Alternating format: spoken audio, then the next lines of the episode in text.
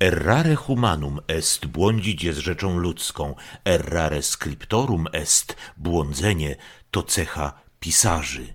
Nazywam się Marek Krajewski i jestem autorem powieści kryminalnych, innymi słowy jestem literackim kryminalistą. Oto moja spowiedź, zeznanie literackiego kryminalisty.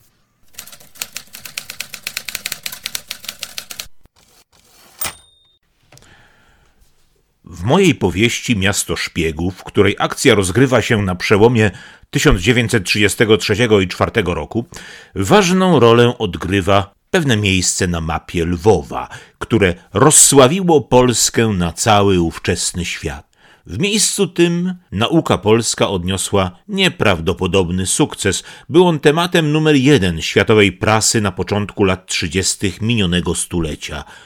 Wykrycie szczepionki przeciw tyfusowi plamistemu, wielki tryumf nauki polskiej. W podobnym tonie pisała prasa cytaty za znakomitą książką Mariusza Urbanka, o której poniżej. Te zachwyty, jak najbardziej słuszne, należały się oczywiście profesorowi Rudolfowi Weiglowi i pracownikom jego laboratorium, czyli uczonym i laborantom z Zakładu Biologii Ogólnej Uniwersytetu Jana Kazimierza w Lwowie. Wspomniana książka Urbanka, wydana przez Iskry w roku 2018, nosi tytuł Profesor Weigl i karmiciele wszy. O karmieniu wszy w owym laboratorium i przed wojną, i w czasie wojny z pewnością Państwo słyszeli. O tym, że pokarmem owadów była ludzka krew, też wszyscy wiedzą. A jaki był cel odżywiania wszy? Ta kwestia też nie sprawia większego kłopotu. Odżywiano je po to, aby nie zdechły i aby można je było wykorzystać do celów naukowych. Ale jakież to były mianowicie cele? Stworzenie szczepionki przeciwko tyfusowi plamistemu, to też nie budzi wątpliwości. Nie bardzo natomiast powszechnie wiadomo, jak karmiono te owady. Wtykano palec do jakiejś klatki z wszami, aby tam mogły sobie spokojnie ssać krew? A może wypuszczano je brrr, na swoiste pastwisko, jakim była ludzka skóra na głowie i tam wśród gęstwiny włosów mogły dowoli się obiadać? Mówiąc o gęstwinie włosów, nie mam tu na myśli oczywiście ludzi o owłosieniu głowy podobnym do mojego. Aby na te pytania odpowiedzieć, jak karmione były wszy, przenieśmy się w myślach do Lwowa Anno Domini 1933-34. Poniższe wiadomości przedstawiam w małej mierze z autopsji, moje wizyty w Lwowie, w miejscu, gdzie mieściło się laboratorium, a w dużej mierze za wspomnianą książką Mariusza Urbanka. Wyobraźmy sobie, że jakiś karmiciel wszy, minąwszy słynną kawiarnię szkocką, gdzie spotykają się światowej sławy matematycy, i pomnik Aleksandra Fredry, skręca w prawo i wchodzi w boczną ulicę Świętego Mikołaja. Tam wspina się po niezbyt stromej skarpie do gmachu tak zwanego Starego Uniwerku. Nowy budynek uniwersytetu już dawno stał i stoi do dziś naprzeciwko ogrodu jezuickiego, dzisiaj parku Iwana Franki, który patronuje również dzisiaj ukraińskiemu uniwersytetowi. Po chwili nasz karmiciel znajduje się pomiędzy gmachem kościoła pod takim wezwaniem, jak ulica, czyli świętego Mikołaja, a gmachem akademickim w zaułku, gdzie są oszklone drzwi z groźnie brzmiącym napisem teren zakaźny, niezatrudnionym wstęp wzbroniony. Mężczyzna ten, ten fikcyjny bohater, którego sobie wyobrażamy, wchodzi tam, wciąga w nozdrza woń spalenizny, słyszy szum sterylizatorów i odprowadzany tymi wrażeniami zmysłowymi udaje się do specjalnego pomieszczenia, gdzie podciąga nogawki spodni, kobiety odsłaniały uda, i otrzymuje gumową opaskę oraz kilka owadzich kontenerów mieszkalnych wielkości i kształtu pudełka zapałek. Takiej był wielkości i kształtu jeden z owych kontenerów. W każdym z nich kłębi się około pięciu setek wygłodniałych wszy. Takie pudełko karmiciel przytwierdza sobie, czyni to on sam lub pomaga mu laborant, do łydki, kobiety do uda, gumową opaską. Pomiędzy jego skórą i chciwymi krwi narządami gębowymi wszy jest jedynie gaza, która dla tych krwiożerczych owadów jest taką samą przeszkodą jak skarpetka dla komara. Wszy zaczynają kąsać i pić krew. Karmiciel zagryza wargi i musi teraz wykazać się anielską cierpliwością. Skóra zaczyna go swędzić straszliwie. Nie może się podrapać, nie może się też ruszyć, bo wtedy gaza się przesunie. Owady odpadną niejako od swego krwioopoju i będą ponownie wgryzać się w naskórek, powodując kolejny ból. Po trzech kwadransach wszy chętnie ssałyby jeszcze dłużej, ale wtedy pękłyby z przejedzenia. Karmiciel z ulgą kończy swą pracę i inkasuje niemałe honorarium, uzależnione od liczby wykarmionych osobników, dlatego niekiedy wręcz obklejano pudełkami łydki i uda. Tenże karmiciel idzie na obiad, a syte wszy trafiają następnie w ręce pracownika zwanego strzykaczem. Strzykacz najpierw unieruchamia najedzone osobniki w specjalnych mosiężnych imadełkach, tak żeby z nich sterczały tylko odwłoki. Zanim profesor Weigl zaprojektował imadełka, przytrzymywano wesz po prostu kartką papieru, spod której wystawał jej odwłok. Strzykacz przystępuje wtedy do najniebezpieczniejszego etapu swej pracy.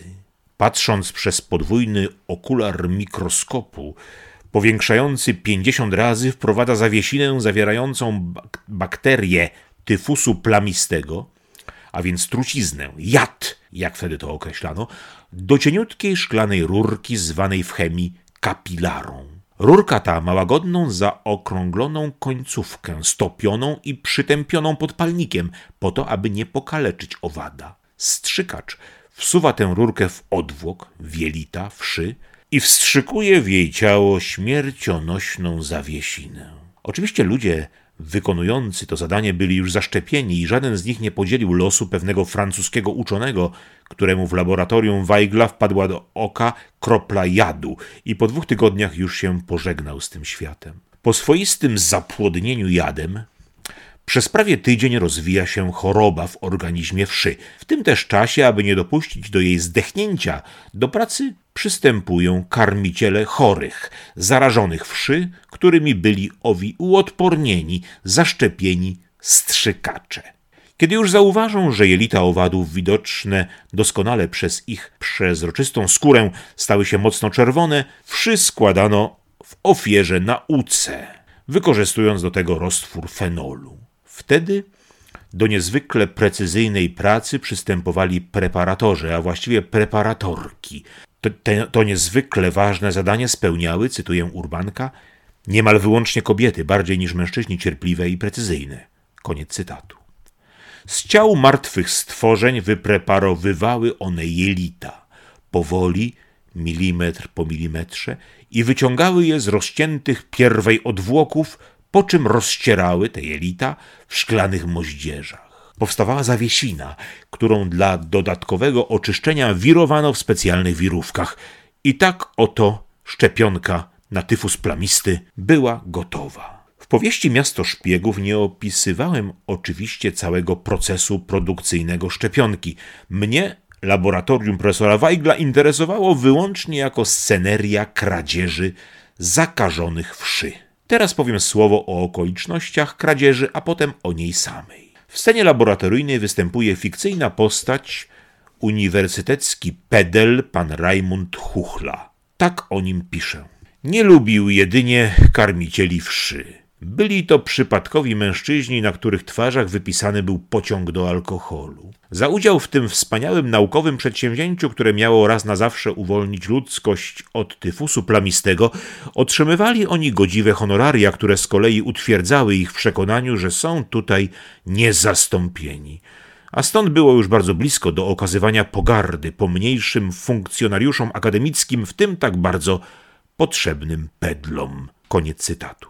Cały ten opis może sugerować, że karmicielami wszy byli kutliwi i awanturujący się pijacy. Tymczasem, na co zwrócił mi uwagę mój kolega z roku, autor powieści dla młodzieży Zbigniew Kowerczyk, bardzo wielu spośród karmicieli wszy należało do lwowskiej elity. Tak było w czasie wojny, owszem, oponowałem, przed wojną elita nie karmiła wszy. A czyż owadów nie karmił na początku sam Weigl i jego żona Zofia? Nie ustępował mój kolega po piórze. Tak, rzeczywiście trudno nie zaliczyć do elity człowieka, którego jedynie złośliwy zbieg okoliczności pozbawił Nagrody Nobla.